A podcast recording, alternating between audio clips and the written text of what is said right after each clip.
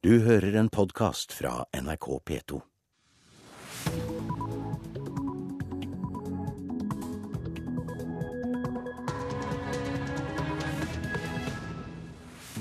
Velkommen til Nyhetsmorgen. Klokka er 6.30. Dette er hovedsakene våre. USA sender rakettforsvar til Stillehavet etter at Nord-Korea i går kveld truet med å angripe USA. Høyre mener at regjeringen nedprioriterer hjelp til utdanning i utviklingsland. Det handler om hvordan vi skal nå de aller mest sårbare og aller svakeste. Og her har Norge en viktig rolle å spille, som vi mener at eh, Norge ikke gjør godt nok i dag. Mener Ine Eriksen Søreide. Og brunskogsneglene er i ferd med å våkne til liv nå, og dermed er jakten i gang. Ja, det er nok lurt å begynne tidlig. Sier forsker Solveig Haukeland.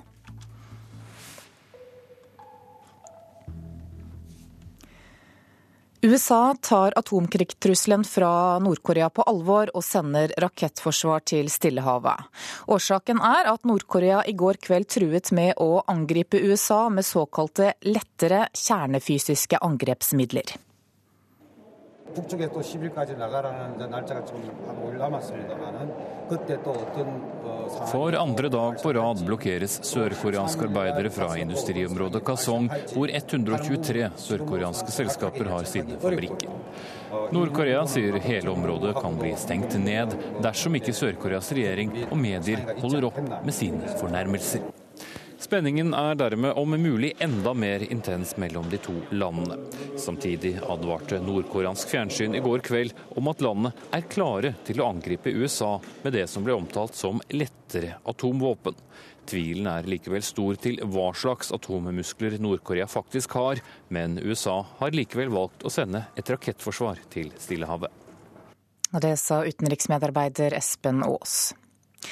Høyre mener at regjeringen nedprioriterer hjelp til utdanning i utviklingsland. Norges bistand til utviklingsland har økt med 9% siden 2005, men økonomisk hjelp til skolegang har ikke økt. Stortingsrepresentant Ine Eriksen Søreide mener at regjeringen er mer opptatt av å gi bistand til miljø og energi enn til utdanning. Jeg ønsker at vi skal diskutere hva Norge kan gjøre for å bli enda flinkere til å støtte opp under utdanning i fattige land. Sier Høyres Ine Eriksen Søreide. Hun er leder i utenriks- og forsvarskomiteen, og hun mener at regjeringen nedprioriterer bistand til utdanning. Det handler om hvordan vi skal nå de aller mest sårbare og aller svakeste. Og her har Norge en viktig rolle å spille, som vi mener at Norge ikke gjør godt nok i dag. Hvorfor ikke det? For det første så har jo eh, bistandsbudsjettene i Norge økt med ca. 9 milliarder kroner eh, fra 2005 til 2012. Men andelen vi bruker på grunnutdanning har stått på stedet hvil og bruker ca. 1 milliard i året. Det gjorde vi i 2005, og det gjør vi også nå.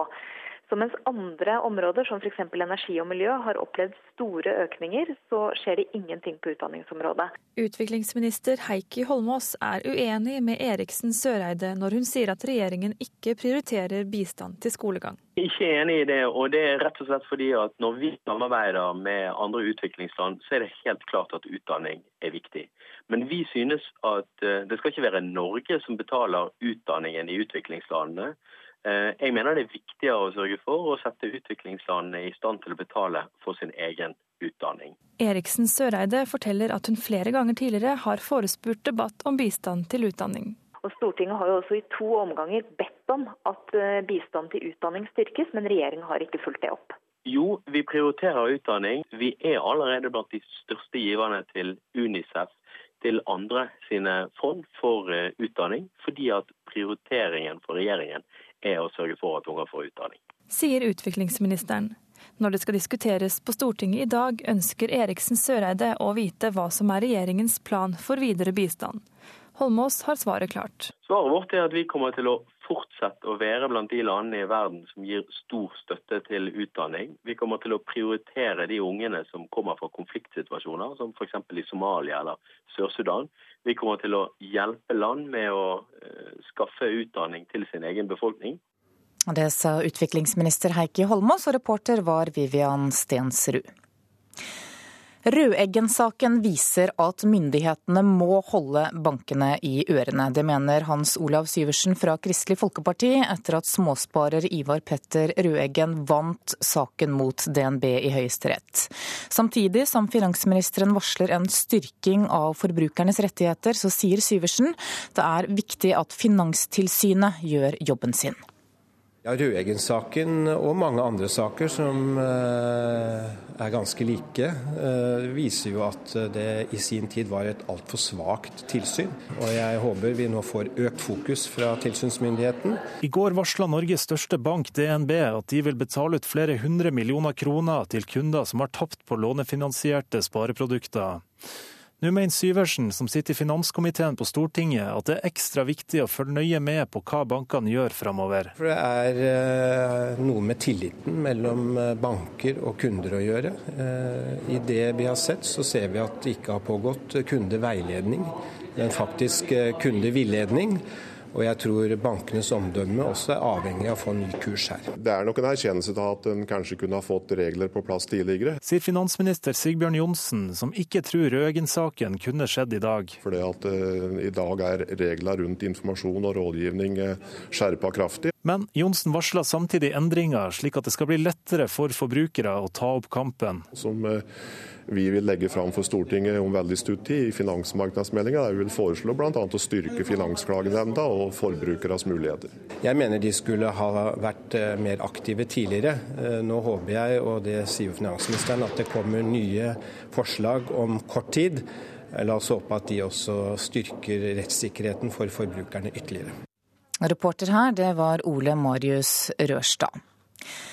Det blir ikke noe forbud mot tigging i Trondheim. Det er klart etter at Trondheim Arbeiderparti nå slår fast at de ikke vil forby tigging i byen.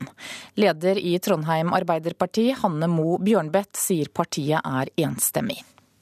Vedtaket var enstemmig, og så hadde vi en diskusjon og spørsmålsrunde. For her er jo et tema som opptar folk, og som er viktig å ha en diskusjon rundt. Det er jo sånn at Bystyregruppa til Arbeiderpartiet sist Frp fremma forslag om å forby tigging, eh, stemte imot det forslaget. Eh, og Nå har vi altså slått fast at det fortsatt er linja til Trondheim Arbeiderparti, at vi ikke ønsker noe lokalt forbud mot tigging i Trondheim. Generalsekretær Sturla Stålsett i Kirkens Bymisjon, velkommen til Nyhetsmorgen. Takk for det. Trondheim Arbeiderparti slår altså fast at de ikke vil forby tygging i byen, og dermed så blir det ikke noe forbud. Hva er din reaksjon på det? Det høres veldig fornuftig ut. Jeg har sjelden hørt og sett et så dårlig begrunnet forslag for eh, forbud som det vi nå har sett, og som vi ser både på nasjonalt nivå og lokalt, som dette som handler om tigging. Det er eh, både i sin eh, faktabeskrivelse og i de postulerte sammenhengene mellom tigging og kriminalitet, og i de konsekvensene man ønsker å unngå med et forbud, veldig dårlig begrunnet. Så jeg syns det er en klok beslutning. Dere jobber jo i flere byer i landet. Hva slags inntrykk har du av hvordan de ulike byene takler problemet med tigging? Vel, vi ser at dette er en stor debatt i veldig mange byer og områder. Eh, vi syns at den veldig ofte er eh, overdrevet i forhold til fenomenets omfang. Eh, livet på gata har aldri vært lett. Dette er ikke enkelt verken for den som tigger eller den som møter tiggende. Men eh, vi ser at det finnes både innenfor dagens eh, lovverk eh, gode muligheter til å unngå uønskede konsekvenser, aggressivitet eller eh, konflikter, enten i forhold til fra den som tigger eller overfor den som tigger. Det er et ordensproblem, og, og, det skal håndheves i forhold til gjeldende rett. Det, vi ser også at politiet har i liten grad eh, vilje til, lyst til, eller hva man nå skal si, eh, ressurser til å håndheve f.eks. Eh, økt grad av meldeplikt eller andre tiltak som har vært nevnt. Og dermed så kan, man, kan det se ut som et litt sånn desperat forslag å, å, å ty til at man skal eh, forby dette for å gjøre det enkelt. Men det har så mange prinsipielle uheldige sider at det er noe vi langt fra kan gå inn for. Hvilke sider tenker du på da? Nei, Det er jo muligheten for eh, at man her eh, vil ramme eh, enkeltgrupper og lage et generelt forbud for å være ute etter noen spesielle grupper eller mennesker. Altså Det er en stor fare for direkte eller indirekte diskriminering i dette. I tillegg så er det altså et sosialt problem. Dette er en måte å ville kriminalisere fattigdom på som vi mener er helt feilslått. Vi ønsker oss ikke et samfunn der det skal være forbudt for mennesker å rekke fram en hånd eller en kopp i en nødsituasjon og, og be om hjelp fra sine medmennesker. Og Dere er i kontakt med noen av dem som tigger. Hva slags historier forteller de til dere? Det er veldig forskjellige historier. Det er veldig mange ulike grunner til at mennesker er i den situasjonen at de, at de tigger. Men vi vet jo at det er særlig to grupper det handler om. Det er Eh, i hovedsak norske rusavhengige, og det er utenlandske tilreisende eh, fattige mennesker. Og jeg vil understreke at det, selv om det ofte fokuseres både på mennesker spesielt fra Romania og rombefolkningen der, så, så er, ser vi en økende tendens til at mennesker fra hele Sør-Europa og Øst-Europa eh, kommer i den type situasjon. Vi mener jo at det ikke er godt for noe menneske å, å måtte ty til tigging. Eh, og vi må finne måter å, å, hjelpe til, slik at dette ikke er eh, nødvendig. Men bare å bruke loven mot det og kriminalisere det, mener vi er en svært dårlig løsning. Mennesker som kommer, har eh, behov for informasjon. De har behov for eh, å vite hva som gjelder, hvilke rettigheter og hvilke muligheter, eh, og hvilke eh, hindringer som finnes når de kommer til Norge når det gjelder utlendinger. Og Det er veldig viktig å overkomme språkbarrierer, legge til rette for at helt grunnleggende sanitære og hygieniske forhold kan imøtekommes. Det handler ikke bare om de som kommer, men det handler om oss alle. Det burde være første prioritet i dette. Takk for at du kom til Nyhetsmorgen, generalsekretær Sturla Stolseth i Kirkens Bymisjon. Da skal vi ta en kikk på dagens aviser og se hva de har på forsidene sine. VG skriver at politiet i Brasil etterforsker dødsfallet til Marit Breiviks ektemann Nils Hertzberg. Hertzberg døde på sykehus i Brasil i vår, men lokalt politi mener obduksjonen viser at skadene han hadde ikke var forenlig med å ha falt fra en stol, slik han selv skal ha forklart før han døde. Aftenposten har et stort bilde av Ivar Petter Røeggen i dag. Han vant over DNB i retten etter å ha tapt penger på lånefinansierte, strukturerte spareprodukter. Nå får også andre kunder som har tapt på feil informasjon, pengene tilbake. Det er dette jeg har kjempet for, sier han. Og Dagens Næringsliv har et bilde av DNB-sjef Rune Bjerke. Overskriften er 'En klønete feil kan koste én milliard kroner'. Klassekampen forteller at Norge er et av Europas mest liberale land når det gjelder tigging. Vi er blant dem som har færrest virkemidler for å regulere omfanget av tiggingen. Psykisk syke får beholde våpen, det skriver Dagsavisen. Regler skjermer ustabile personer som eier våpen, og det har kostet liv, ifølge avisa. Nå krever politiet nye regler. Ola Borten Moe ødelegger for Senterpartiet. Det sier stortingsrepresentant Kjersti Toppe til Adresseavisen i dag. Hun mener det hun beskriver som hans egenrådige stil har lammet hele partiorganisasjonen. Ny nordisk kyllinggigant gir skjerpet konkurranse, forteller Nasjonen. Nortura er forberedt på tøffere konkurranse når Cardinal Foods virksomhet i Norge selges til et nytt konsern, som blir den største kyllingaktøren i Norge. Stavanger Aftenblad skriver at været skaper problemer for bøndene. Det fører til både ekstrautgifter og forsinkede avlinger, og erstatningssøknader er nå i ferd med å strømme inn. Tre mødre forteller i Vårt Land i dag om sin kamp for å få bære frem funksjonshemmede barn. En av mødrene ble fortalt at barnet ikke ville overleve. I dag er gutten ett år. Ifølge Dagbladet så er det nå tid for å komme i gang med vårtrening. Så lett unngår du skader, er overskriften.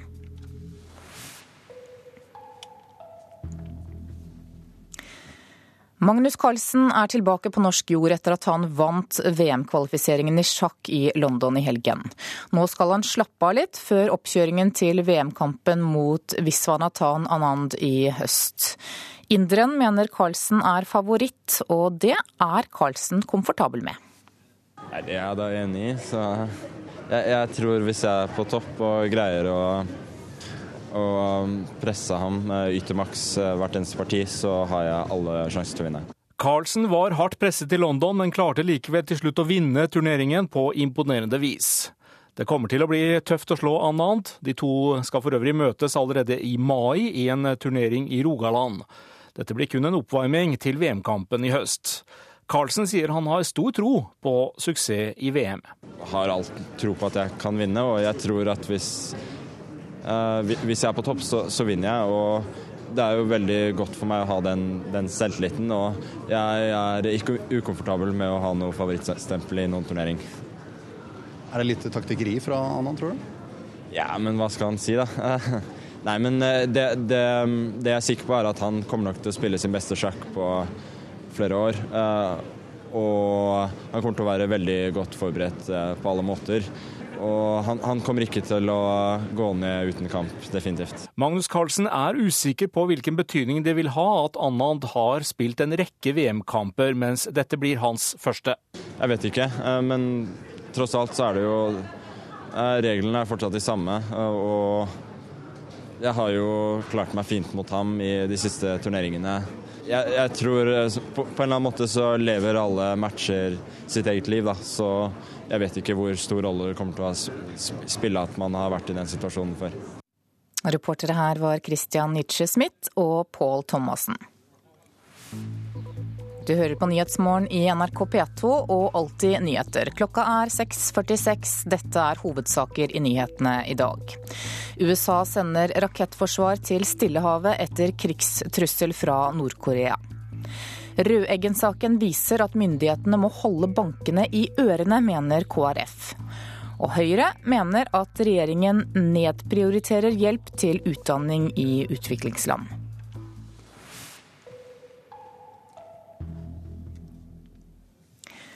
Arbeidstakere som ikke kan stille på jobb pga. stengte veier, risikerer å bli trukket i lønn. Pga. skredfare så har flere bygder på Senja vært isolerte i snart én uke, og en av dem som har vært værfast i Gryllefjord, er Margrete Hagerupsen, rådmann i Lenvik. Nei, det var ikke noe bra. Det var ikke noe god følelse å sitte i Grillefjorden og, og, og, ringe og styre i går. Og vi var til og med uten mobildekning nesten hele arbeidsdagen. Så jeg måtte på kommunehuset i Torsken og låne meg et kontor for å, å nå rådhuset i Lenvik og de folkene som jeg måtte samarbeide med. Onsdagsmorgen fikk hun skyss med redningsskøyta, sånn at hun kom seg hjem og på jobb på Finnsnes. Nå må hun ta stilling til hvordan hennes kommune skal forholde seg til at en del ansatte ikke har vært på jobb de siste dagene pga. uvær. Vi har ikke hatt fokus på det, og har, jeg har derfor ikke oversikt. Vi har heller ikke rukket å diskutere hva strategi vi skal ha i forhold til eh, ansatte som har eh, fravær. Synnøve Søndergaard i LO Troms oppfordrer arbeidsgivere til å være fleksible når det er stengte veier og uvær som fører til fravær. Når politiet oppfordrer folk til å holde seg hjemme, så, så, kan ikke jeg tenke annet enn at her må arbeidsgiver og ansatte bli enige om en god løsning. I Torsken kommune har flere av bygdene vært isolert siden påskeaften. Lena Hansson er rådmann. Vi har jo måttet omrokke litt på, på arbeidsstokken, sånn at vi får gi et tilbud både i skole og barnehage. og kommunehus og sykehjem. Vi har arbeidstidsregistrering som innført i alle kommunale virksomheter. Så det har aldri vært noe snakk i å trekkes i lønn. Og reporter var Linda Pedersen. Selv om snøen ennå ligger godt i de fleste hager her på Østlandet, så begynner brunskogsneglene nå så smått å våkne til liv. Sneglene er blitt alle hageeieres store skrekk, og nå oppfordres alle til å ta noen grep for å forsøke å bekjempe den. Dermed er jakten i gang. Jeg skal bare vise det. Du kan bare se det bakom her. Her har jeg samla bøtter. Bak den busken her. Oi! Ja, så står det flere bøtter. Oppi dem så er det Du ser sniglene til og med. Ja. Vi er i den snødekte hagen til Knut Hermansen, lederen i Strømsgodsets hagelag i Drammen. Bak noen busker, i et par bøtter, har Hermansen igjen noe av fjorårets fangst. Ligger da i saltvann nedi der. Og de her har jo frosset? Dem er frosset, ja. Frosne sniler.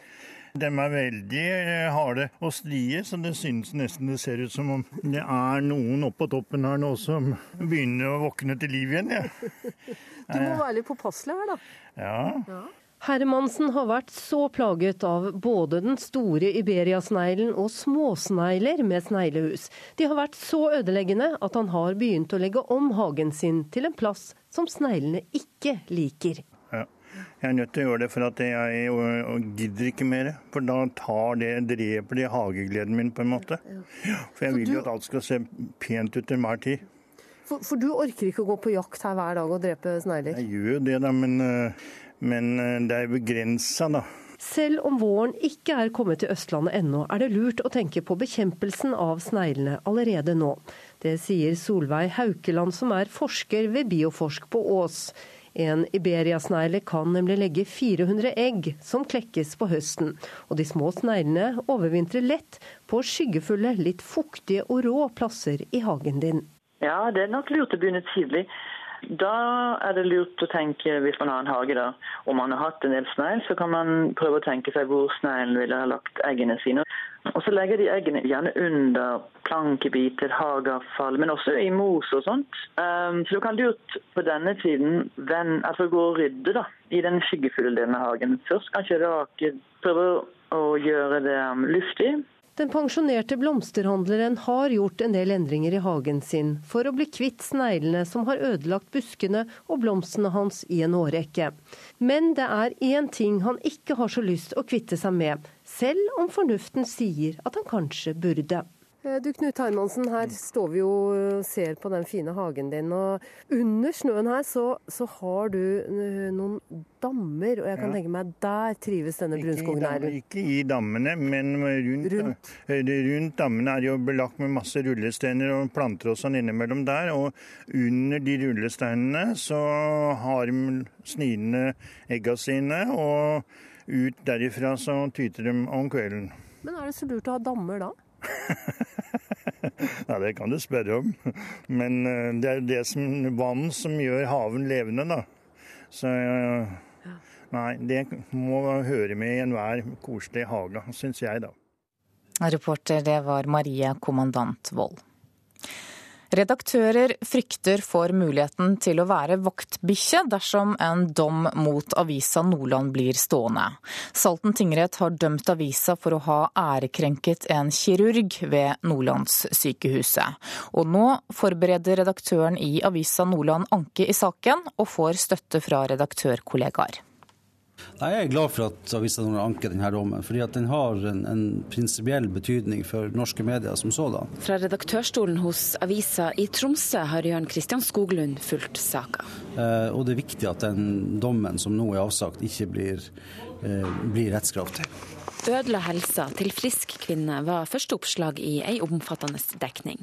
Kirurgene som opererte ble identifisert. Retten mener avisa ga leserne et feilaktig inntrykk av at kirurgen kreftopererte mennesker han visste var frisk, og har dømt avisa for ærekrenkelse.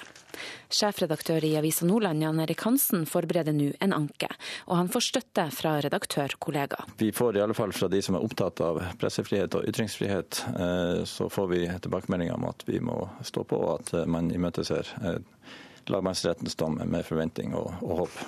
Avisa Nordland avdekka at Nordlandssykehuset gjorde kreftoperasjoner som ifølge retningslinjene skulle gjøres i Tromsø. Ansvarlig redaktør i Finnmark Dagblad, Eirik Palm, støtter kollegaen sin i Bodø. Eh, for det, det, vil eh, helt klart, eh, hvis det må bli stående, være med på å skape, sette rammer for arbeidsrommet og hva presten har muligheten til å gjøre i eh, forhold til å utføre det som er samfunnsoppdraget, nemlig avdekke kritikkverdige forhold. Kritiske dokumentene, det er ganske mange avisartikler. Hos Legeforeninga er det advokat Synne Bjørvik Stålen som har representert kirurgen i saka. Eh, og han har jo opplevd at både det faglige og personlige ryktet er blitt svertet og har måttet flytte ut av landet. Eh, og det er klart at Som følge av medias håndtering av saken. Så det er klart at han, han har jo gjenopplagd saken nå ved tingrettens behandling og hadde håpet å slippe en ny runde i lagmannsretten. Pressen har en viktig rolle i å avdekke kritikkverdige forhold i helsetjenesten. Eh, men når det avdekkes kritikkverdige forhold i pressen, så mener vi også at pressen bør ta ansvar for det. Eh, og vi skjønner ikke helt hvilke hensyn som skal beskytte en avis som ikke har gjort jobben sin godt nok før den har publisert feil påstander knyttet til navngitte personer. Reportere her det var Karoline Rugeldal og Ina Strøm. Hva ville du gjort dersom du ble statsminister i Norge? Og syns du at kvinner i Norge har fått likestilling? Dette er to av spørsmålene folk svarer på i kortfilmdokumentaren Bli hørt. I Skien så er innspillingen av filmen nå i full gang. Går kamera? Å, så søte! Går kamera? Kamera går. I TV-studio er det fullt av lamper og skikkelig varmt. Foran flere kameraer sitter Josefine og Jonathan. De to har allerede svart på mange spørsmål. Likestilling og Var det noe mer enn likestilling, eller? mm. Hva ville du gjort hvis du var statsminister? Hva ville du gjort da? Um, bestemmer ikke. Bestemme noe? Mhm. Hva er det beste som kan skje sånn i verden, da? At alle kan ha like mye penger. Ole Andreas, til deg først. Det er mange ulike mennesker som skal foran kameraene. Alle får spørsmål om hvordan de ønsker å bli sett og hørt, og hva de tenker om likestilling, stemmerett og demokrati. Respektere hverandres meninger. Du da, Jørn, når det gjelder å ikke bli hørt, når du føler at det nå må For regissør Janne Bø var det viktig at denne filmen ikke ble noen kvinnefilm for kvinner, men at budskapet når ut til alle. Men altså, vi ville ha med mange forskjellige eh, fra forskjellige religioner og mennesketyper og sosiale arbeidslag osv. Hva er dere vil med filmen, da? Vi ønsker vel på en måte å ja, ufarliggjøre litt grann de store orda likestilling, stemmerett, alle de tinga der. Vi ønsker å ufarliggjøre det med å lage en liten sånn aperitiff som gjør at folk kan sitte og le litt og kose seg litt, og som kan ha litt brodd på, på det komiske tilsnittet i, eh, i forskjellene mellom mann og kvinne og stemmerett og alle de tinga der. Så står det et dokkehus bak deg der. Mm. Hva er det til? Vi tenker at filmen må jo ha en ramme. At alle er litt under samme tak. Vi er eh, alle av eh, laga av det samme Har alle de samme behova, ikke sant? Så hva bedre er å ha en ramme som er et hus. Men du, Jonathan. Vi må være veldig forsiktig. Foran dokkehuset finner vi Josefine og Jonathan igjen. Det er mange knuseting her. Det er ikke lett å forstå hvordan regissøren skal plassere store mennesker inne i et lite dokkehus. Ja, men hvordan får du plass til det? Det skjønner jeg. Men med noe teknisk lureri er visst alt mulig. De skal lage oss små. Men i dag var målet å få fram barnas tanker om likestilling. Og Jonathan vet hva han mener er det aller viktigste. At hvis en mann og en dame jobber like mye, skal de få likt betalt. Hva er det for noe da? Likestilling. Og reporter her, det var Stine Hansen Bakkebø. Da skal vi se på et værvarsel som gjelder til midnatt. Langfjella kan vente seg skiftende bris i dag, stort sett pent vær. Fjellet i Sør-Norge nordvestlig bris, enkelte snøbyger i nord fram til i kveld, ellers opphold. Østlandet på kysten nordlig frisk bris, varierende skydekke først på dagen, senere stort sett pent vær. Telemark og Agder skiftende bris, fra i ettermiddag nordøstlig, stort sett pent vær. Rogaland og Hordaland nordlig bris, fra sent i formiddag frisk bris og pent vær. Sogn og Fjordane nordlig frisk bris, i kveld liten kuling, ellers pent vær. Møre og Romsdal enkelte sluddbyger, fra sent i ettermiddag stort sett pent vær. Trøndelag sludd- eller snøbyger, fra sent i ettermiddag stort sett pent vær, vesentlig i sør. Helgeland, Saltfjellet, Salten og Ofoten kan vente seg, unnskyld, Lofoten kan vente seg vestlig liten kuling utsatte steder i dag. Perioder med stiv kuling, kan hende kortvarig sterk kuling og snøbyger. Ofoten, Vesterålen og Troms enkelte snøbyger. Vest-Finnmark med vidda, nordvestlig liten kuling utsatte steder og ellers snøbyger. Øst-Finnmark nordvestlig frisk bris, av og til liten kuling på kysten. Enkelte snøbyger i nord, ellers opphold. Og Nordensjøland på Spitsbergen kan vente seg østlig liten kuling fra i ettermiddag. Litt snø i sørøst, ellers stort sett pent vær. Så tar vi med temperaturene som ble målt klokka fem. Da hadde Svalbard lufthavn minus ti grader, Kirkenes minus fire, Vardø minus to. Alta og Tromsø hadde minus fire, Bodø minus tre, Brønnøysund minus to, Trondheim hadde én plussgrad, Molde hadde to plussgrader, og i Bergen var det minus to grader.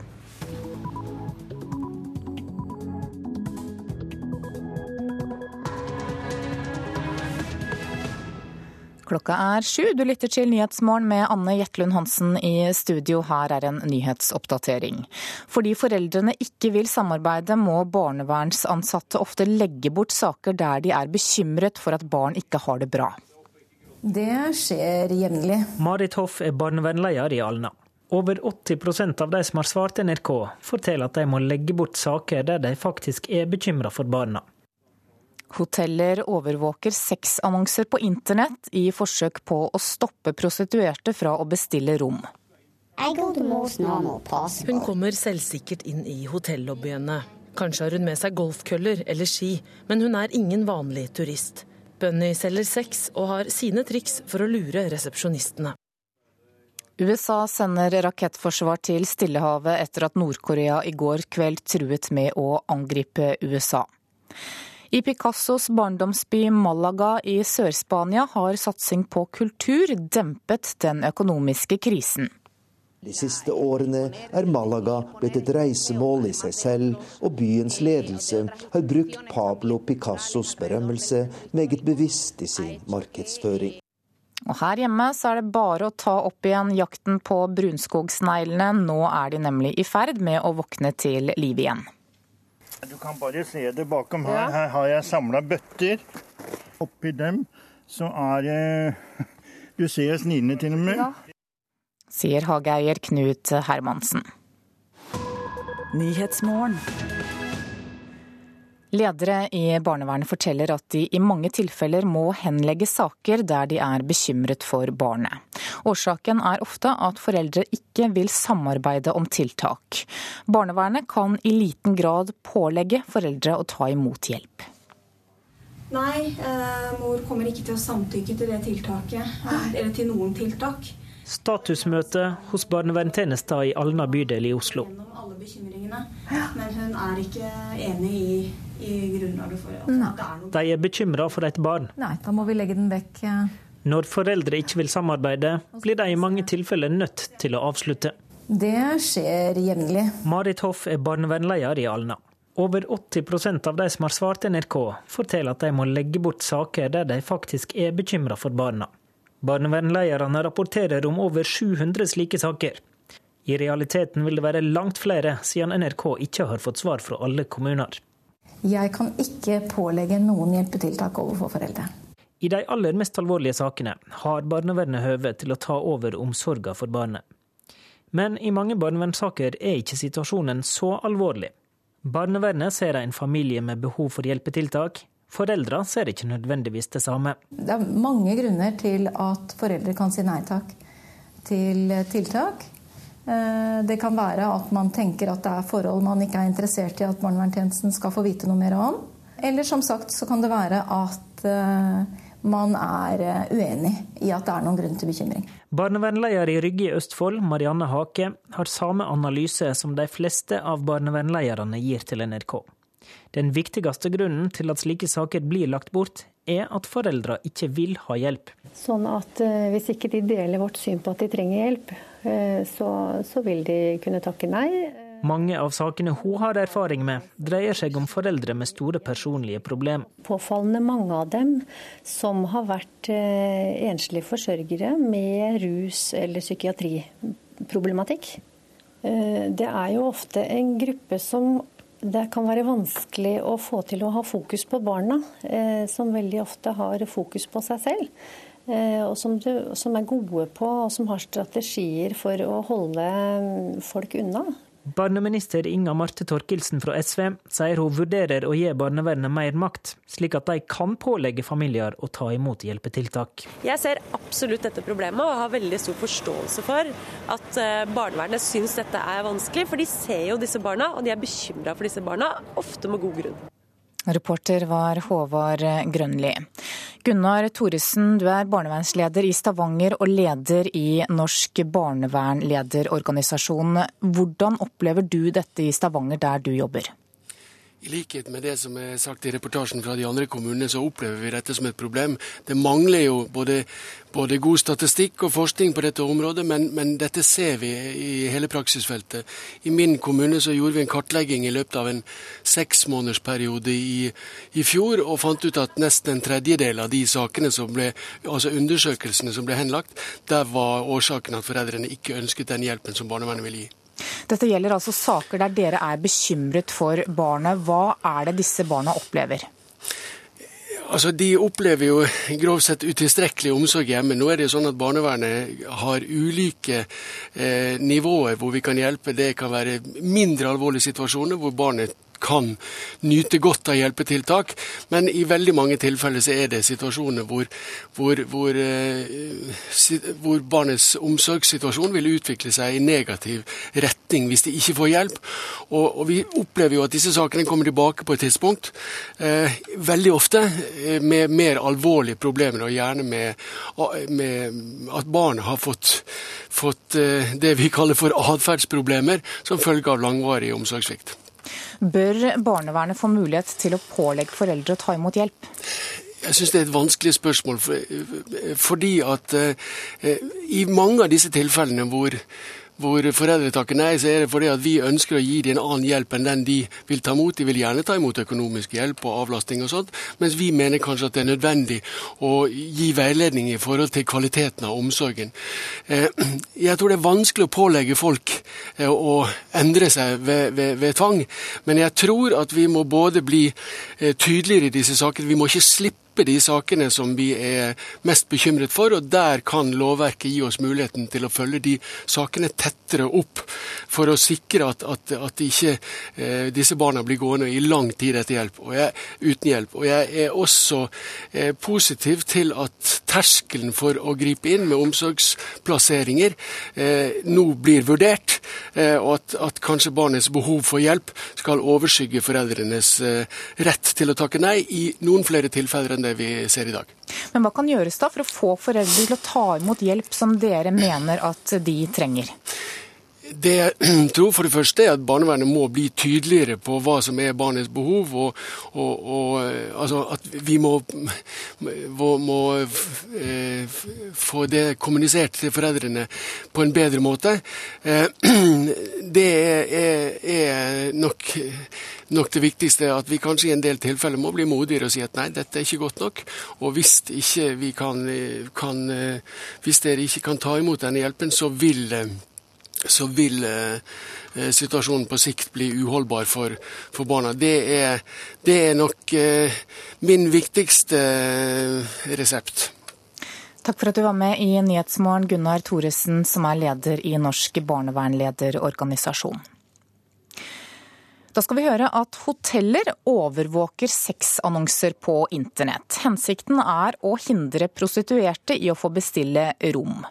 Prostitusjonen har nemlig flyttet seg fra gata til hoteller og leiligheter, og nye tall fra Prosenteret viser at det såkalte innendørsmarkedet for salg av sex har økt med 43% på to år. Prostituerte Bunny pleier å kle seg ut som en vanlig turist for å ikke vekke mistanke. Hun kommer selvsikkert inn i hotellobbyene. Kanskje har hun med seg golfkøller eller ski, men hun er ingen vanlig turist. Bunny selger sex og har sine triks for å lure resepsjonistene.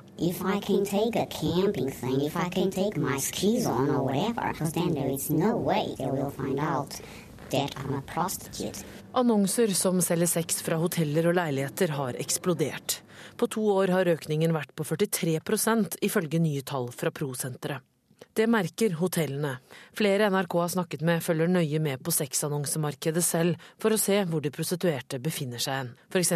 Atlantic Hotel i Sandefjord. Det kan være hvis vi får reservasjoner eh, som vi opp mot en nettside som annonserer sexsalg Eh, at vi ser et treff der. Sier hotellsjef Kariann Norén. Hun sitter i foajeen på hotellet sitt sammen med konkurrent Thomas Ødegaard fra Rika Park i samme by. Hotellene i Vestfoldbyen har sett det nødvendig å ta affære på tvers av kjedene. Ja, vi, vi samarbeider i den grad at vi, vi, varsler hverandre. Hvis det er uvanlig aktivitet eh, på, med gjester som vi opplever som uvanlige. Det er det naturlig for oss å, å varsle kollegaene våre i byen. Det som kanskje er nytt, er at vi har fått mer fokus på det. Hvorfor har dere fått mer fokus på det? Fordi vi har, eh, vi har blitt observert og vi har blitt fortalt og vi, gjennom samarbeidet vårt. Og vi har, vi har, lært oss til å se mer eh, etter den type gjester. Flere av de største hotellkjedene NRK har snakket med, forteller om faste rutiner og opplæring av ansatte for å hindre at prostituerte skal booke rom hos dem. De prostituerte opplever å bli forfulgt, sier Camilla Hammingren ved Prosenteret. Også i tilfeller så, så, beskriver de at hotellene kanskje vet hvem de er på forhånd, og avviser dem der. Og det, man må jo stille spørsmålstegn ved lovligheten av den type diskriminering. Men er det ikke forståelig at hotellnæringen eh, er nødt til å, å prøve å forhindre at det forekommer eh, salg av sex på deres hoteller? Jeg har ikke noe problem med å forstå at de ønsker at den virksomheten som skal være på hotellet deres, er overnatting, og, og at ikke det drives næringsvirksomhet i deres lokaler. Det problematiske er jo selvfølgelig at de som får det veldig vanskelig, det er de som selger sex. De gjør ikke noe ulovlig. Prostituerte Bunny har uansett ikke ennå blitt tatt. I travel all hotels and I never been expelled in on, so yeah, good for me. Reporter her var Ellen Borge Christoffersen. Direktør for reiseliv i Norge i hovedorganisasjonen Virke, Hilde Charlotte Solheim, velkommen til Nyhetsmorgen. Takk. De prostituerte føler seg altså forfulgt og diskriminert av hotellene. Hva svarer du til det? Du, da sexkjøpsloven kom, så gikk politiet ut og sa at bedrifter som medvirket eh, til at dette skjedde inne på bedriftens område, ville kunne bli forfulgt. Så politiet har kommunisert en tydelig forventning om at reiselivsnæringen skal medvirke til at denne loven ikke brytes. Og det å stoppe ulovlig virksomhet er noe næringslivet er pålagt, og som forventes. Og så er det en grense for hvor langt bedriftene kan gå. Det er f.eks. sånn at man ikke kan drive med ren etnisk diskriminering. Man kan ikke nekte en utenlandsk kvinne å bo på hotellet. Og da sitter bedriftene i en skvis. Dette gjelder ikke bare hoteller, det gjelder f.eks. også barer. Det er ikke, det er ikke forbudt f.eks. For å ha en viss påkledning eller en viss etnisitet. Og svaret for bedriftene det blir jo da å ha et samarbeid og ha en god dialog med politiet, sånn at de klarer den balansen. Og det at bedriftene gjør dette så godt de kan, det syns jeg er positivt. Fordi at eh, de kan ikke gjøre noe annet enn å forholde seg til norsk lov, og da er sexkjøp forbudt. Og hvis det ligger an til at noen skal kjøpe sex, så må de faktisk også hindre det. Men vi hører jo her som du sier at hotellene samarbeider og varsler hverandre, og at de ser etter prostituerte. Hva har de egentlig lov til å gjøre da? Registeret har de ikke lov til å holde. sånn at Datatilsynet har avkrevd næringsorganisasjonen informasjon om vi kjenner til at våre medlemsbedrifter driver med rene lister og registre. Det har de da ikke adgang til. Men de har adgang til å varsle hverandre om eh, mistanke om at noen planlegger prostitusjon. Og de har også adgang til å ha et tett og godt samarbeid med politiet. Og det, vi ser at eh, det er mest vellykket der hvor man snakker tett og godt sammen med politiet. Markedet for salg av sex fra hoteller og leiligheter har altså aldri vært større, ifølge Prosenteret. Men hvor utbredt opplever reiselivsnæringen selv at det er? Her er det nok store lokale variasjoner og store mørketall. Vi ser at politiet er mer på dette i visse distrikter enn i andre. Så det må andre uttale seg om. Eh, vi kan bare konstatere at våre medlemsbedrifter, som har veldig mange lover og regler de skal forholde seg til, og som er underlagt mye kontroll og tilsyn, gjør så godt de kan og trenger god veiledning fra myndighetene for å sørge for at de medvirker til at loven overholdes. Og så er det til syvende og sist eh, politiansvar å etterforske og slå ned på kriminalitet i Norge. Vi snakket i går med en hotelldirektør som ikke ønsker å stille opp eh, her i Nyhetsmorgen fordi han frykter negativ oppmerksomhet. Har du noen eksempler på de dilemmaene som hotellansatte f.eks. i resepsjonen opplever når de er på jobb? Ja, det har vi. Det er f.eks. walk-in en sen kveld hvor en ikke-etnisk norsk kvinne kommer sammen med en norsk mann. Det vil man i visse sammenhenger og visse strøk, f.eks. deler av Oslo, kunne mistenke handler om sexkjøp. Men det trenger absolutt ikke være det. Og hvis man avviser den gjesten fordi at den kvinnen ikke er norsk, så vil man kunne bli felt for eh, ulovlig etnisk diskriminering. Da er virksomheten avhengig av å lage regelverk som f.eks. hindrer walk-in, at du ikke kan gå inn på en sen kveld. Og Det er da for å frita resepsjonisten for dette. For sjansen for at dette her er et helt vanlig besøk, er jo da større hvis man har bestilt det rommet i forkant. Og Vi ser også på restauranter og barer, eh, at man må faktisk vurdere klientellet. Og det kan kanskje se relativt likt ut om noen blir kjent på et utested, om det da er en økonomisk transaksjon eller ikke. Så i likhet med mye annet man skal kontrollere og håndheve, dette gjelder narkotika, dette gjelder berusede mennesker, så har reiselivsnæringen en førstelinje som skal gjøre mange vurderinger av mennesker, og som kan få pålegg f.eks. der hvor vi har ulovlige MC-gjenger og andre ting som politiet ikke ønsker skal foregå. Så dette er en tøff balansegang for bedriftene. Eh, de gjør så godt de kan, og det er faktisk vanlige mennesker som skal håndtere dette i førstelinjen, og de trenger hjelp og støtte og god dialog med politiet og myndighetene. Takk for at du kom til Nyhetsmorgen, Hilde Charlotte Solheim, direktør for reiseliv i Norge i hovedorganisasjonen Virke. Klokka er 7.15. Du hører på Nyhetsmorgen i NRK P2. Dette er hovedsaker nå. Fordi foreldrene ikke vil samarbeide, så må barnevernsansatte ofte legge bort saker der de er bekymret for at barna ikke har det bra. Som vi hørte, hotellene driver aktiv kamp mot sexsalg, og det fører til jakt på prostituerte, mener Prosenteret. USA sender rakettforsvar til Stillehavet etter krigstrussel fra Nord-Korea.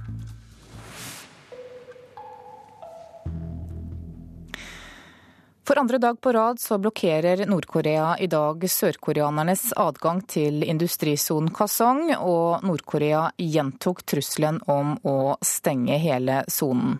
Asia-korrespondent Anders Magnus, hva er det siste du vet nå om situasjonen ved Kasong?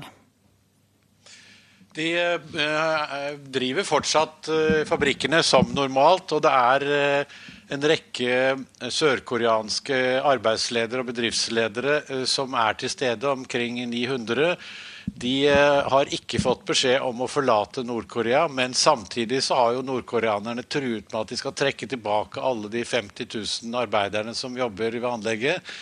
Men det er klart at gjør de det, så er det først og fremst Nord-Korea selv som kommer til å tape på det. Så mange tror jo at dette er en tom trussel, men eh, det som er foruroligende, er jo at de har stanset eh, tilgangen av råvarer fra sør eh, denne lastebilkolonnen som venter på å komme inn, nå i to dager. Så Fortsetter de med det, så vil etter hvert disse fabrikkene gå tom for råmaterialer til å produsere videre, og da øker spenningen selvfølgelig. Ja, Hva kommer til å skje da? Mest sannsynlig så må eh, disse fabrikkene stenge uansett. Og eh, da vil nok også de arbeidslederne fra sør eh, som er inne i området nå, ønske å komme tilbake til Sør-Korea. Nå har sørkoreanske militære myndigheter sagt at dersom Nord-Korea prøver å holde igjen noen som gisler, så har de planer for å redde dem ut uh, gjennom en militæraksjon. Og Det har jo nordkoreanerne igjen reagert på, og sagt at dette her er en ny trussel mot Nord-Korea. Og, eh, og, og, sagt at det i seg selv kan, eh, er en krigserklæring. Det er jo veldig hard ordbruk fra Nord-Korea hele tiden under denne krisen her. Det nordkoreanske militæret har fått grønt lys av regimet i Pyongyang til å gå til angrep på USA også med atomvåpen. Hvor stor er faren for at det kan skje?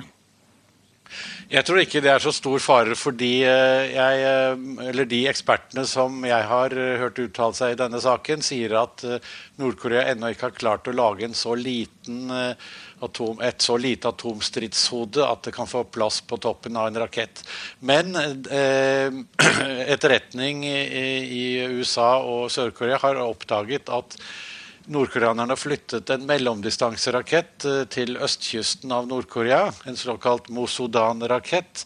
Og det er klart at Den kan de fyre av, og den kan nå Sør-Korea, Japan og også Guam i Stillehavet, som er en amerikansk koloni.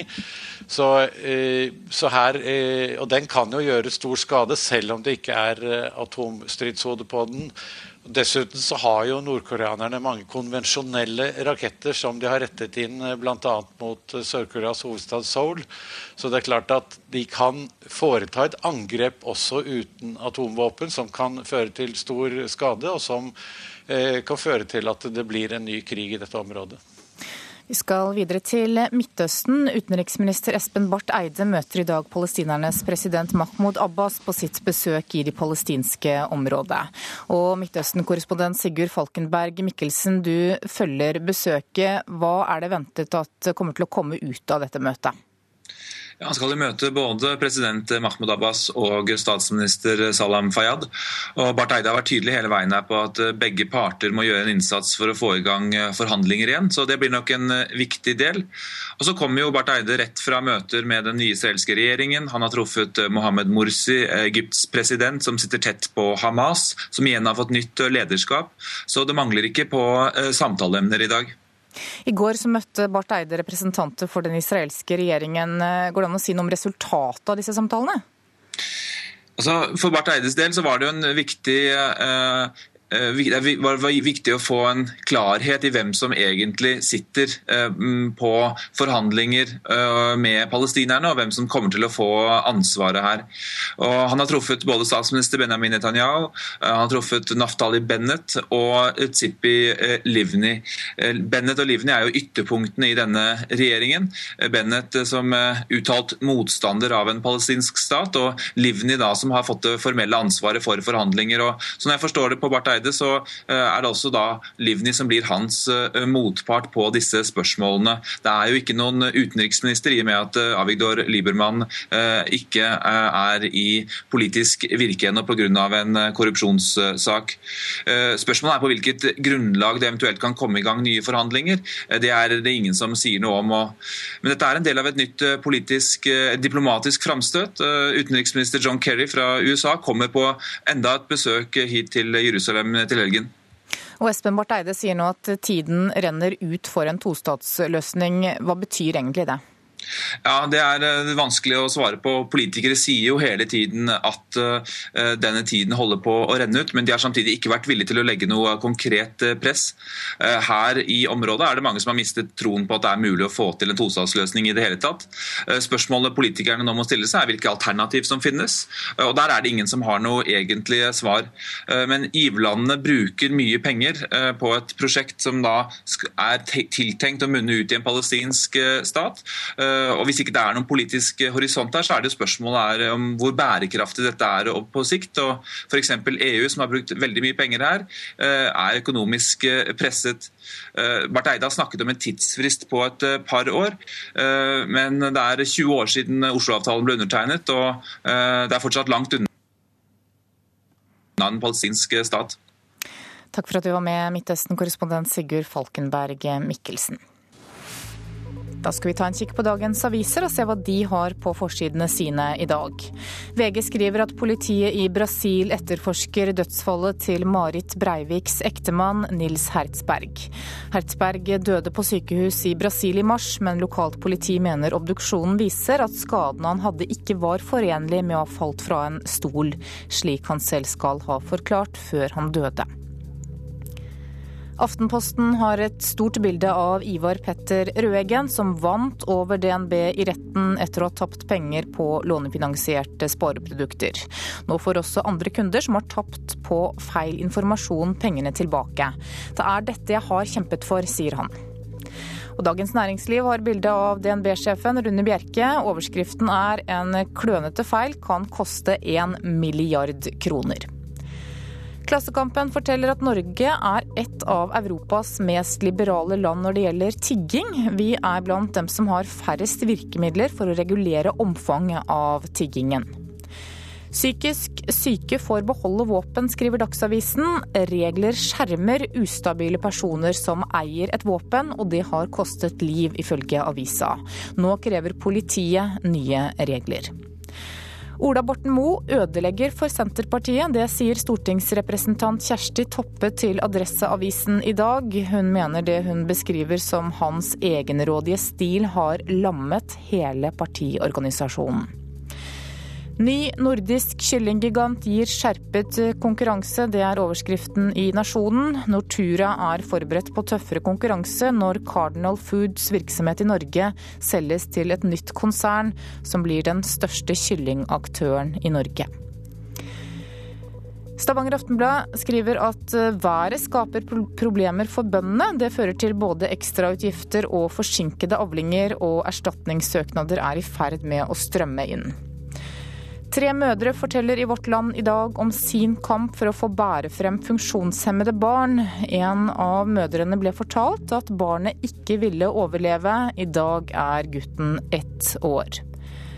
Ifølge Dagbladet så er det nå tid for å komme i gang med vårtrening. Så lett unngår du skader, er overskriften der.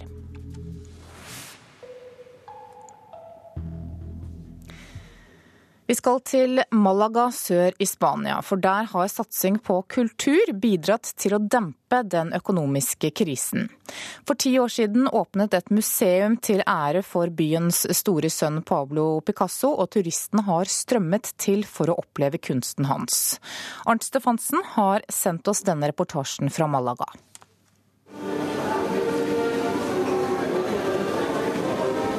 Det er hyggelig vårstemning i en gågate i sørspanske Malaga.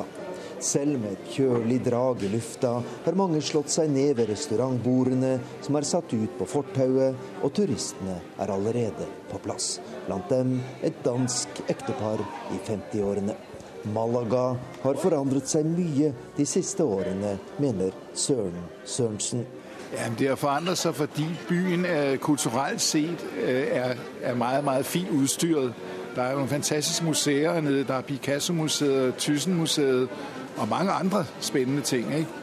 Og, og, der er meget velholdt. De, de prøver virkelig å, å holde bygningene i, i toppstand. Det er så fint.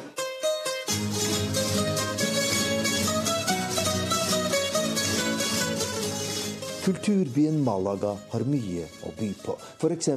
Los Verdiales, byens berømte folkesanger. Men det som først og fremst har satt Malaga på kulturens verdenskart, er Picasso-museet, som åpnet for ti år siden og har vært en stor suksess. Hele 3,5 millioner besøkende har til nå vært innenfor dørene, sier museets talskvinne Lucia Vasques. Realmente el museo sí ha contribuido mucho al cambio, a la transformación de la ciudad. Eh, det er ingen som vil benekte at dette museet har betydd mye for de endringene som har skjedd i byen. Dette var jo lenge en by man reiste forbi på vei mot strendene på solkysten. Men de siste årene er Malaga blitt et reisemål i seg selv, og byens ledelse har brukt Pablo Picassos berømmelse meget bevisst i sin markedsføring, ved å innføre uttrykket 'Picassos Malaga' som et internasjonalt varemerke, sier Lucia Vasques ved Picasso-museet. Plaza de la Merced er en av Malagas hyggeligste plasser. Og nettopp her ble byens største sønn, Pablo Picasso, født i 1881. Men da han var ti år, flyttet familien til Nord-Spania og dro aldri tilbake. Den radikale Picasso flyttet senere til Paris og sverget at han aldri ville vende tilbake til hjemlandet så lenge diktatoren Francisco Franco satt med makten men innflytelsen fra hjembyen er fremtredende i Picassos kunst.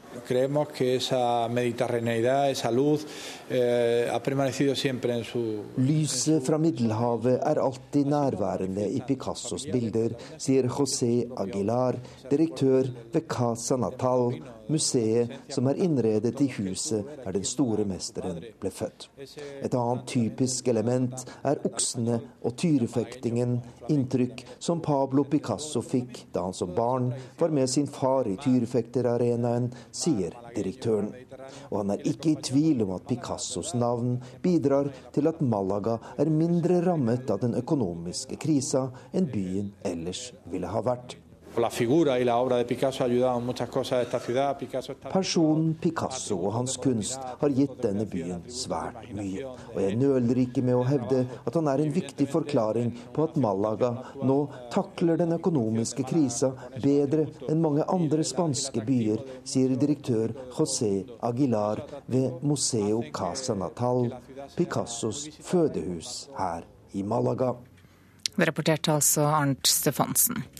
Du hører på Nyhetsmorgen i NRK P2. Den neste halvtimen så får du nå først Dagsnytt 7.30. I dagens utenriksreportasje skal vi til Vietnam, der amerikanerne er i gang med et stort prosjekt for å rydde opp etter massiv kjemisk krigføring under krigen. Produsent for sendingen i dag det var Eli Bjelland, og her i studio Anne Jetlund Hansen.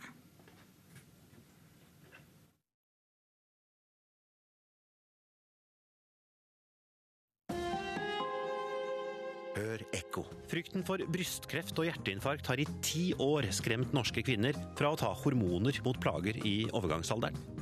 Nå kan det vise seg at de har ofret livskvaliteten uten grunn. Ny forskning reiser tvil om østrogenbehandling er farlig. Ekko 9 11 i NRK P2.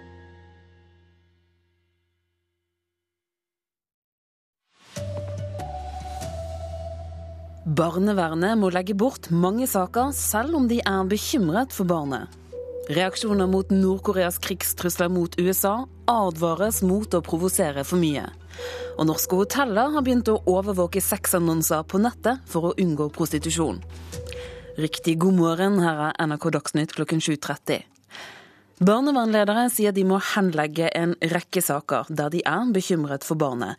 Årsaken til at sakene legges bort er ofte at foreldrene ikke vil samarbeide om tiltak, og barnevernet kan i liten grad pålegge foreldre hjelpetiltak. Eh, mor kommer ikke til å samtykke til det tiltaket. Statusmøte hos barnevernstjenesten i Alna bydel i Oslo. De er bekymra for et barn. Nei, da må vi legge den vekk. Men når foreldra ikke vil samarbeide, må de i mange tilfeller avslutte saka. Det skjer jevnlig. Marit Hoff er barnevernleder i Alna. Over 80% av de 136 som har svart NRK, forteller om at de må legge bort saker der de faktisk er bekymra for barna. Jeg kan ikke pålegge noen hjelpetiltak overfor foreldre. I de aller mest alvorlige sakene har barnevernet høve til å ta over omsorga for barnet. Men i mange barnevernssaker er ikke situasjonen så alvorlig. Barnevernet ser en familie med behov for hjelpetiltak.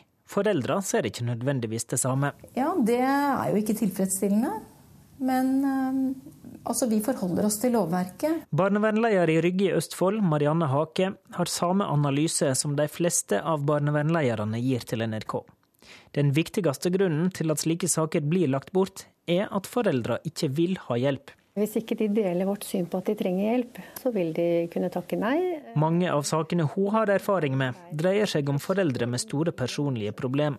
Påfallende mange av dem som har vært eh, enslige forsørgere med rus eller psykiatri. Barneminister Inga Marte Torkelsen vurderer å gi barnevernet makt til å kunne pålegge hjelpetiltak. Jeg ser absolutt dette problemet og har veldig stor forståelse for at eh, barnevernet syns dette er vanskelig. For de ser jo disse barna, og de er bekymra for disse barna, ofte med god grunn. Reporter var Håvard Grønli. Det kommer kraftige reaksjoner på de nye truslene fra Nord-Korea om å angripe USA. Samtidig, for annen dag på rad, blokkerer Nord-Korea i dag sørkoreanernes adgang til industrisonen Kasong. Asia-korrespondent Anders Magnus, hvilke nye militære trusler er det egentlig som kommer fra Nord-Korea nå? Det etterretningskilder i Sør-Korea og USA har oppdaget, er at, nei, at nordkoreanerne har flyttet en mellomdistanserakett til østkysten. Om dette er bare for å vise styrke, eller om de virkelig planlegger å fyre den av, det vet man ikke ennå. Men den har en rekkevidde som trolig kan nå både Japan og også den amerikanske besittelsen Guam, hvor amerikanerne har en militærbase i Stillehavet. Vi har jo blitt vant til at Nord-Korea kommer med trusler, men nå velger altså både USA og også Japan å svare. Hvordan tolker du det? De er nok eh, engstelige for at eh, Nord-Korea kanskje kan eh, sette i gang militære aksjoner. Ikke nødvendigvis med atomvåpen, men de har også en rekke konvensjonelle raketter og andre våpen som kan nå bl.a. Sør-Koreas hovedstad Seoul, som ligger bare 40 km fra grensen mot Nord-Korea. Så det er klart at de er engstelige. Samtidig så har amerikanerne svart på dette med å sende et rakettforsvarssystem til militærbasen i Guam. Og I hele denne delen av Asia er man nå svært engstelig for at eh, nordkoreanerne gjør alvor av sine trusler. De sendte jo faktisk raketter mot Sør-Korea for to år siden, så, så det er ikke eh, uten grunn eh, at man er engstelig nå. Anders Magnus, takk skal du ha. Flere norske hotellkjeder overvåker sexannonser på internett i forsøk på å hindre at prostituerte bestiller seg rom. Prostitusjonen har flyttet seg fra gaten til salg fra hoteller og leiligheter. Ifølge Prosenteret har innendørsmarkedet økt med 43% på to år. Prostituerte Bunny kler seg ut som en vanlig turist for ikke å vekke mistanke. Hun kommer selvsikkert inn i hotellobbyene. Kanskje har hun med seg golfkøller eller ski, men hun er ingen vanlig turist.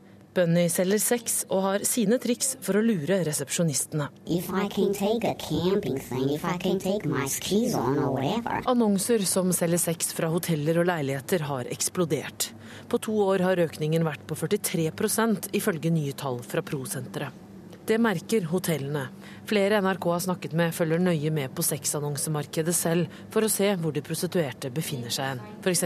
Atlantic Hotel i Sandefjord. Det kan være hvis vi får reservasjoner eh, som vi opp mot en nettside som annonserer sexsalg, eh, at vi ser et treff der. Sier hotellsjef Kariann Norén. Hun sitter i foajeen på hotellet sitt sammen med konkurrenten Thomas Ødegaard fra Rika Park i samme by. Hotellene i Vestfoldbyen har tatt affære på tvers av kjedene. Ja, Vi, vi samarbeider i den grad at vi, vi, varsler hverandre. Hvis det er uvanlig aktivitet eh, på, med gjester som vi opplever som uvanlige. De prostituerte opplever å bli forfulgt, sier Camilla Hammegren ved Prosenteret. Også i tilfeller så, så, beskriver de at hotellene kanskje vet hvem de er på forhånd, og avviser dem der. Og det, man må jo stille spørsmålstegn ved lovligheten av den type diskriminering. Reporteren var Erlborg Christoffersen. Og arbeidet med å unngå at folk selger sex er en vanskelig balansegang for hotellene. Det sier direktør for reiseliv i Norge i hovedorganisasjonen Virke, Hilde Charlotte Solheim. Hun sier hotellene vil unngå diskriminering, men de må også gjøre det de kan for å unngå at folk selger sex der, sier Solheim. Da sexkjøpsloven kom, så gikk politiet ut og sa at bedrifter som medvirket eh, til at dette skjedde inne på bedriftens område, ville kunne bli forfulgt. Så politiet har kommunisert en tydelig forventning om at reiselivsnæringen skal medvirke til at denne loven ikke brytes. Og det å stoppe ulovlig virksomhet er noe næringslivet er pålagt, og som forventes. Røeggen-saken viser at myndighetene må holde bankene i ørene. Det mener KrFs Hans Olav Syversen. Samtidig som finansministeren varsler en styrking av forbrukernes rettigheter, sier Syversen at det er viktig at Finanstilsynet gjør jobben sin. Ja, Røeggen-saken og mange andre saker som uh, er ganske like, uh, viser jo at det i sin tid var et altfor svakt tilsyn. Og jeg håper vi nå får økt fokus fra tilsynsmyndigheten. I går varsla Norges største bank, DNB, at de vil betale ut flere hundre millioner kroner til kunder som har tapt på lånefinansierte spareprodukter. Nå mener Syversen, som sitter i finanskomiteen på Stortinget, at det er ekstra viktig å følge nøye med på hva bankene gjør framover. Det er eh, noe med tilliten mellom eh, banker og kunder å gjøre. Eh, I det vi har sett, så ser vi at det ikke har pågått kundeveiledning, men faktisk kundevilledning. Og jeg tror bankenes omdømme også er avhengig av å få en ny kurs her. Det er nok en erkjennelse til at en kanskje kunne ha fått regler på plass tidligere. Sier finansminister Sigbjørn Johnsen, som ikke tror Røeggen-saken kunne skjedd i dag. Fordi at uh, i dag er reglene rundt informasjon og rådgivning uh, skjerpa kraftig. Men Johnsen varsla samtidig endringer, slik at det skal bli lettere for forbrukere å ta opp kampen. Som eh, vi vil legge fram for Stortinget om veldig stutt tid i finansmarkedsmeldinga. Der vi vil foreslå bl.a. å styrke Finansklagenemnda og forbrukeres muligheter. Jeg mener de skulle ha vært eh, mer aktive tidligere. Eh, nå håper jeg, og det sier jo finansministeren, at det kommer nye forslag om kort tid. La oss håpe at de også styrker rettssikkerheten for forbrukerne ytterligere. Det sa til slutt Hans Olav Sivertsen, reporteren var Ole Marius Rørstad. Høyre mener regjeringen nedprioriterer utdanning i bistandspolitikken. Norges hjelp til utviklingsland har økt med 9 milliarder kroner siden 2005, men bistand til skolegang har ikke økt. Utviklingsminister Heikki Holmås nekter for at regjeringen nedprioriterer utdanning, og peker på at Norge er den største giveren til Unicefs fond for utdanning. Herrelandslaget i håndball tror ikke på seier i returoppgjøret mot Frankrike etter sjumålstapet i går. Keeper Ole Ervik spilte godt i går, men mener Norge er sjanseløse lørdag.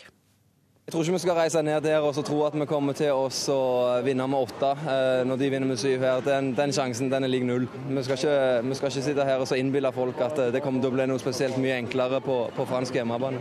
Ole Erivik tror ikke Norge har noen sjanse i den siste EM-kvalifiseringskampen mot Frankrike førstkommende lørdag.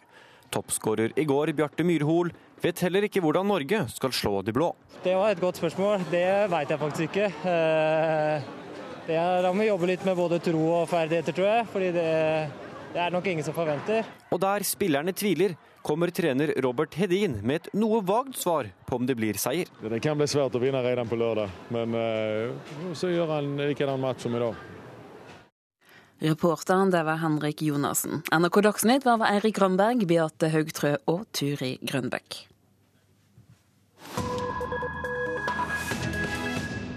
Klokka er 7.40 og Nyhetsmorgen fortsetter.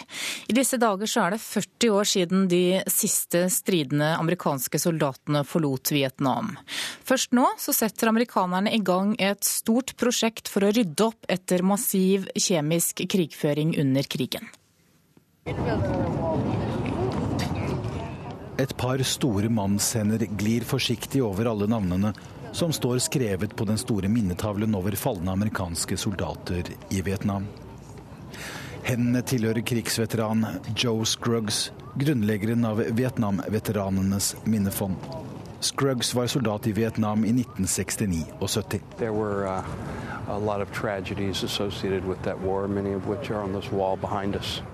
For de av oss som tjenestegjorde på den tiden, så var det mange tragedier. Mange av dem henger på veggen bak oss her, sier Scruggs. Uh, uh,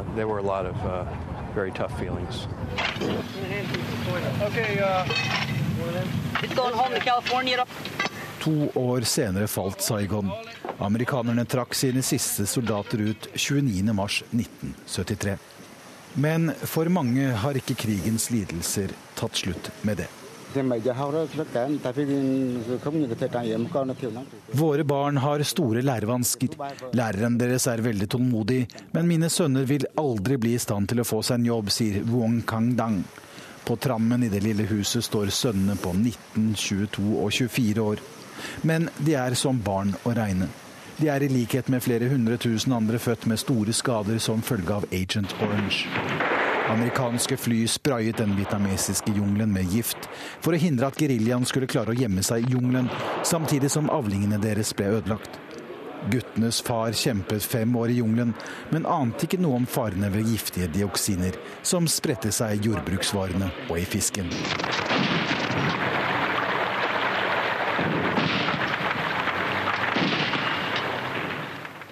Ved den gamle flyplassen i Danang er anleggsmaskiner i full gang. For nå, etter 40 år, tar USA et ansvar og skal samle opp enorme mengder jordmasser ved basen, som så skal kokes i tre måneder, slik at dioksinet brytes ned. Men til tross for at USA bruker 40 millioner dollar på prosjektet, er de uenig i at Agent Orange kan føre til kreft. There is no sort of accepted international consensus uh, on some of these issues. This gesture, very significant gesture, will help advance uh, relationships between the peoples and, and the governments.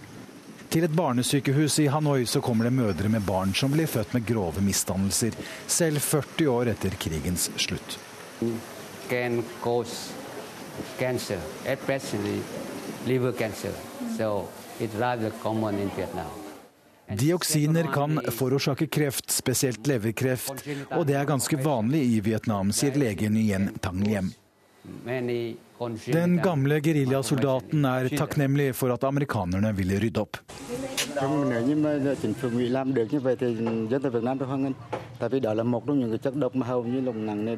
Hvis USA klarer å rydde opp, så er vi takknemlige. Dioksiner er årsaken til en av de verste katastrofer som har rammet Vietnam, sier han. People may disagree with the war, and most people do in, in Iraq and Afghanistan, but in fact, the veterans are not vilified the way we were.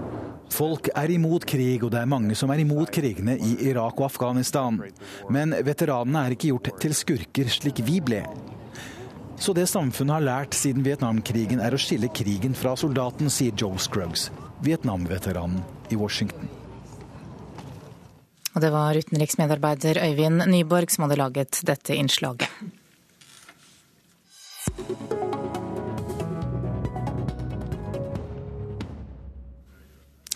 Klokka er 7.44. Dette er hovedsaker i Nyhetsmorgen. Barnevernet er nødt til å henlegge mange saker, selv om de er bekymret for barna. USA sender rakettforsvar til Stillehavet etter krigstrussel fra Nord-Korea. Og norske hoteller er aktive i kampen mot sexsalg. Det fører til jakt på prostituerte, mener Pro-senteret. Og I dag så samles Senterpartiet i Loen. Landsmøtet starter i morgen, og da blir det kamp om partiets sjel. Bjørn Myklebust, Politisk kvarter, har fått besøk av en som krever endring. Det rød-grønne fornuftsekteskapet med SV drar Senterpartiet i feil retning. Hun vil dyrke kjærligheten til sentrum.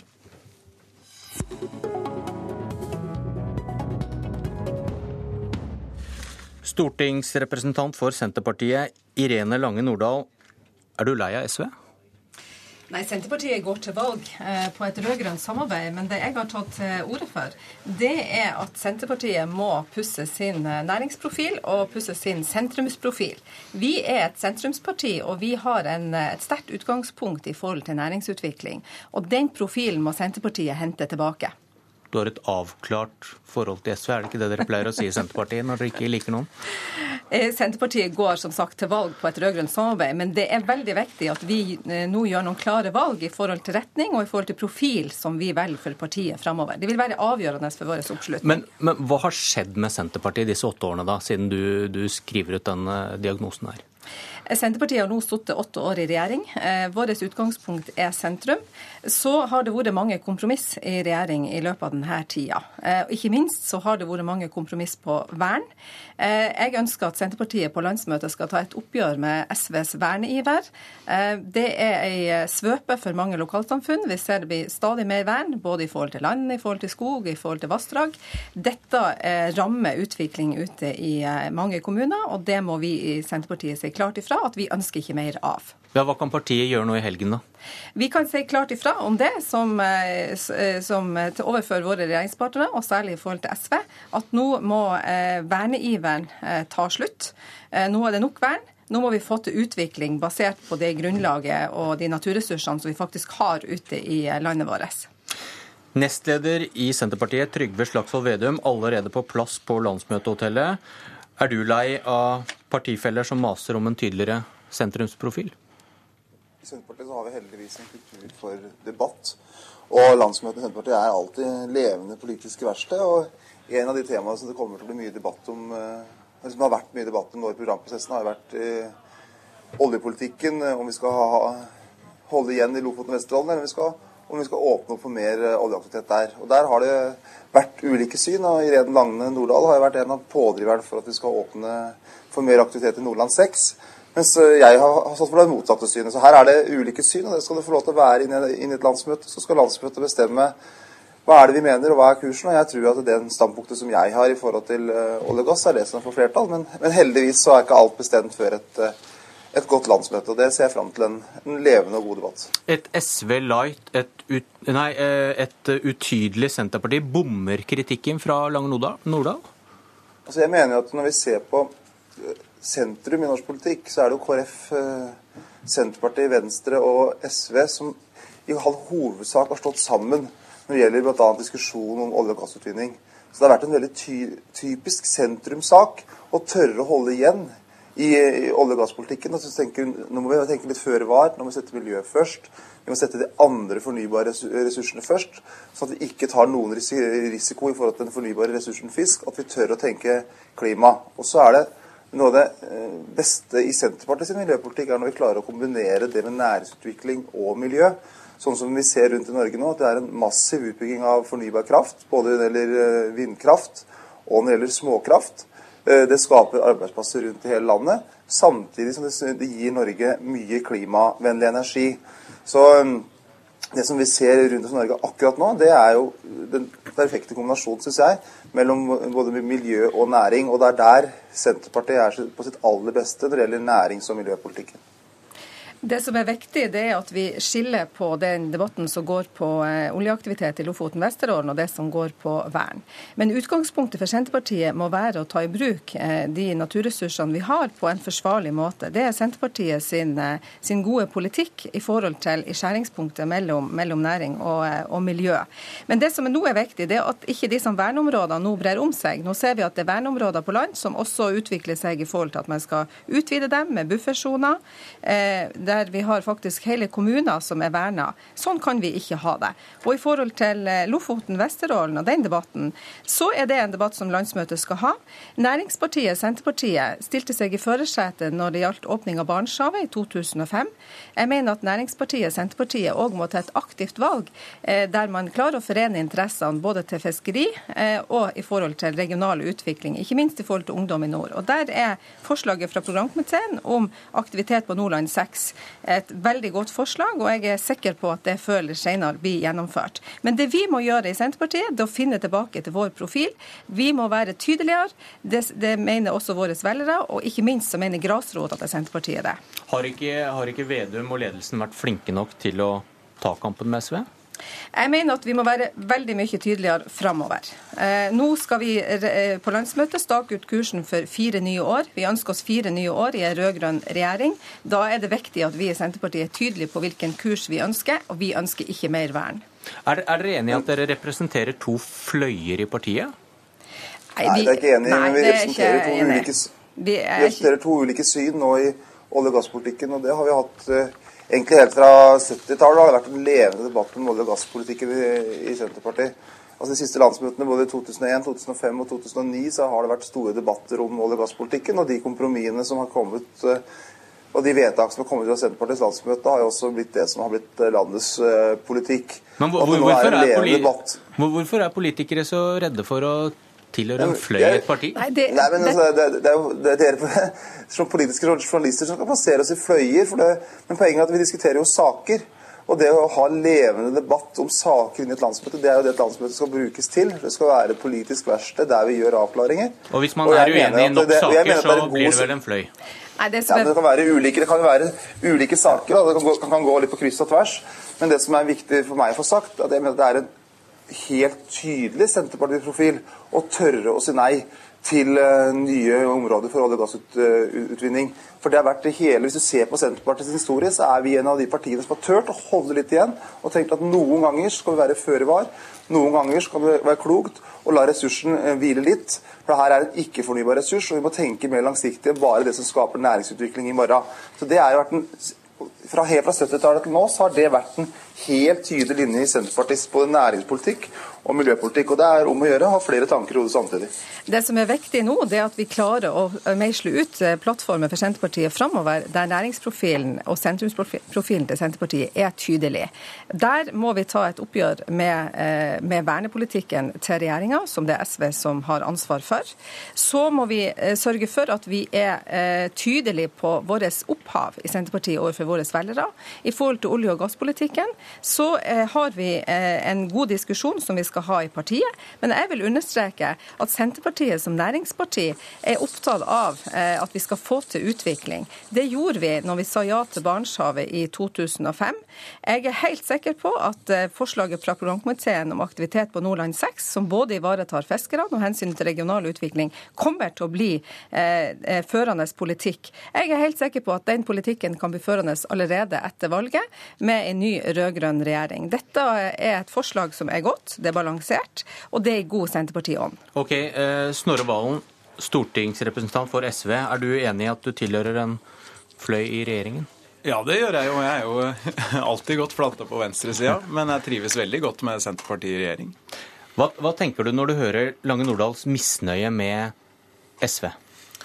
Det kan jeg bare ta til etterretning. Det jeg kan si er at jeg syns at SV og Senterpartiet er veldig naturlige samarbeidspartnere, og det har vi vært helt siden EU-kampen i 1994. For jeg syns ikke det er enkelte vernespørsmål som er den viktige motsetninga i norsk politikk. Det er synet på distriktspolitikken, det er kommuneøkonomien, det er handelspolitikken, landbrukspolitikken. De store strukturelle sakene der SV og Senterpartiet eh, alltid har vært enige. Og så er det jo som eh, Vedum også sier, eh, i oljepolitikken så, så diskuterer vi ofte som parodier på hva vi står for. Historisk så plasserer jo SV seg også midt i, i sentrum i norsk oljepolitikk. Vi har sluttet opp om det meste av, olje, om det meste av norsk oljepolitikk, og så ønsker vi å åpne færre områder nå av hensyn til miljø, i likhet med flertallet i, i Senterpartiet. Lange Nordahl, hva syns du om den beskrivelsen av den historiske felles arven? Det som, er, det som, er, viktig å understreke, det er jo at Senterpartiet går til valg på en rød-grønn regjering. Men når vi går til valg på en rød-grønn regjering, så skal vi også gå til valg på hvilken retning vi ønsker den regjeringa i. Eh, og Der må vi ta utgangspunkt i at vi vil, å, vi vil ønske å bruke de mulighetene vi faktisk har ute i lokalsamfunnene til å skape utvikling.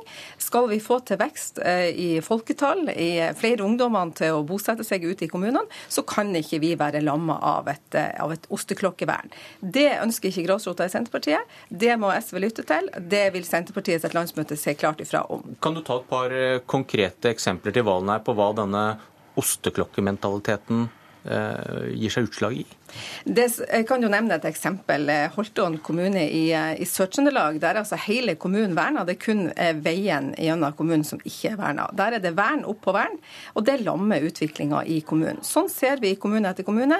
Sånn kan vi ikke ha det. Vi er nødt til å få til en mulighet for utvikling i lokalsamfunnene. Men det er ikke, meg... den, det er ikke den viktige, det er ikke den viktige skillelinjen? Men, jo, det er, veldig, det er veldig viktige skillelinjer. For i forhold til Senterpartiet så mener vi at forsvarlig bruk er det beste vern. Mens eh, SV har et annet utgangspunkt, og det er at man ikke skal, eh, at man skal verne seg tilbake til, til villmarka, som det blir oppfatta ute.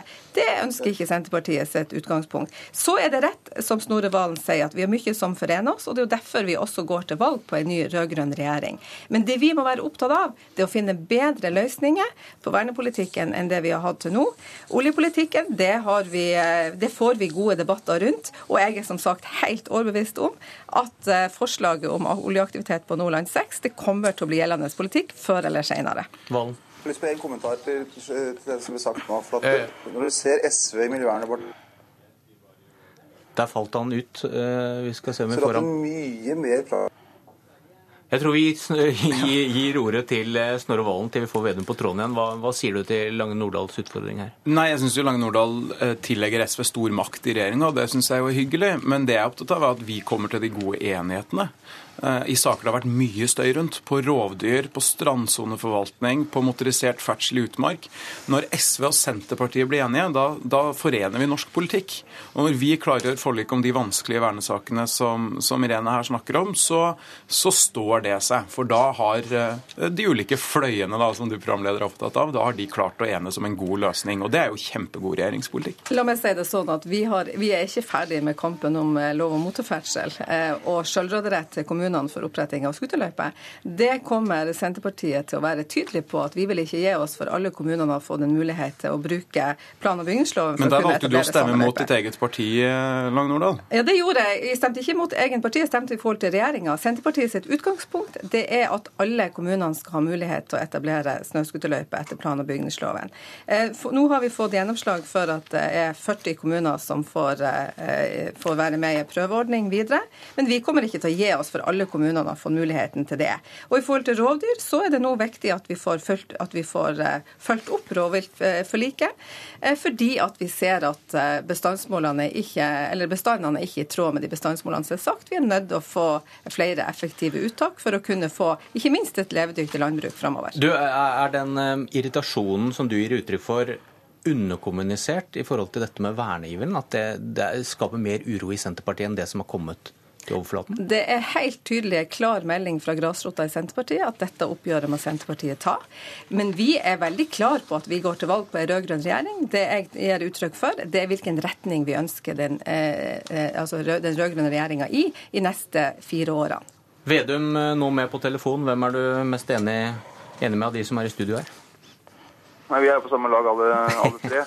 Og det som, er, det, som er, det som man ser på er at Når SV har styrt Miljøverndepartementet, så har det vært en mye mer praktisk tilnærming i mange av verneprosessene enn når Børge Brende styrte Miljøverndepartementet. Når Børge Brende styrte Miljøverndepartementet, så ønska han høyere bestandsmål for rovdyr enn det SV har ønsket de har styrt.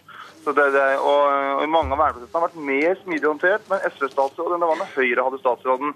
Så Her er det noen konfliktlinjer som går gjennom flere partier hvis vern kontra bruk. Senterpartiet mener at den aller beste måten å ta vare på natur på er langsiktig forvaltning gjennom forsiktig bruk. Eh, men, eh, men, men vi har opplevd at SV har, en, det har vært mye lettere å samarbeide med enn det vi opplevde at Høyre var når de satt den, den posten. Lange Nordahl rekker opp hånda her. Så er, det, så er det helt riktig som Snorre Valen sier at det er noen av konfliktene som går inn i valget mot Høyre, som er veldig dramatiske for eh, distriktspolitikken. Ikke minst i forhold til, til landbruk, i forhold til matindustri, i forhold til kommuneøkonomi. Viljen til å satse på på veier i Distrikts-Norge, så er det, jo, det er jo der er noen virkelig store skillelinjene inn i høstens valg. Det er ingen tvil om at eh, eh, norsk politikk har bruk for et aktivt Senterparti, og da er det viktig at Senterpartiet er tydelig på hvilken retning vi ønsker regjeringa i. Vi er et næringsparti, og vi er et sentrumsparti, og vi ønsker å drage den rød-grønne regjeringa i den retning. Lange Nordahl, til slutt. Eh, hvis, hvis det ikke blir rød-grønt flertall til høsten, vil Senterpartiet fortsatt være et rød-grønt parti?